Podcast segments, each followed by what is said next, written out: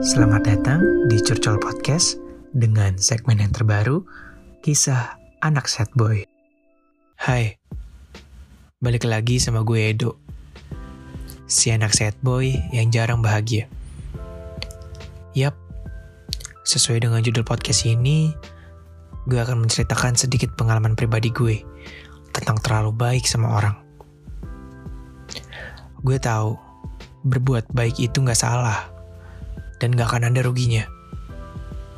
Tapi gue juga tahu ketika lo berbuat baik dan tidak mendapatkan apa-apa, pasti lo akan sakit hati.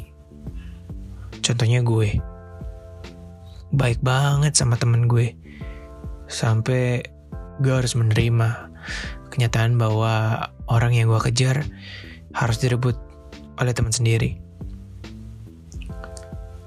awalnya gue gak merasa bakal tersaingin sama teman gue.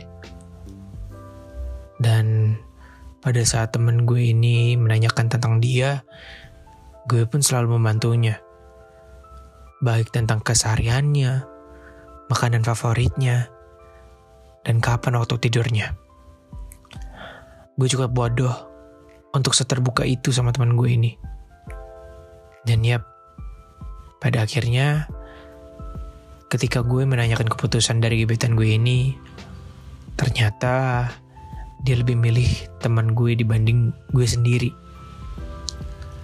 Jujur, kalau ditanya sakit, ya sakit. Tapi gue belajar dari pengalaman gue ini bahwa terlalu baik sama orang itu membuat diri lo terlihat bodoh.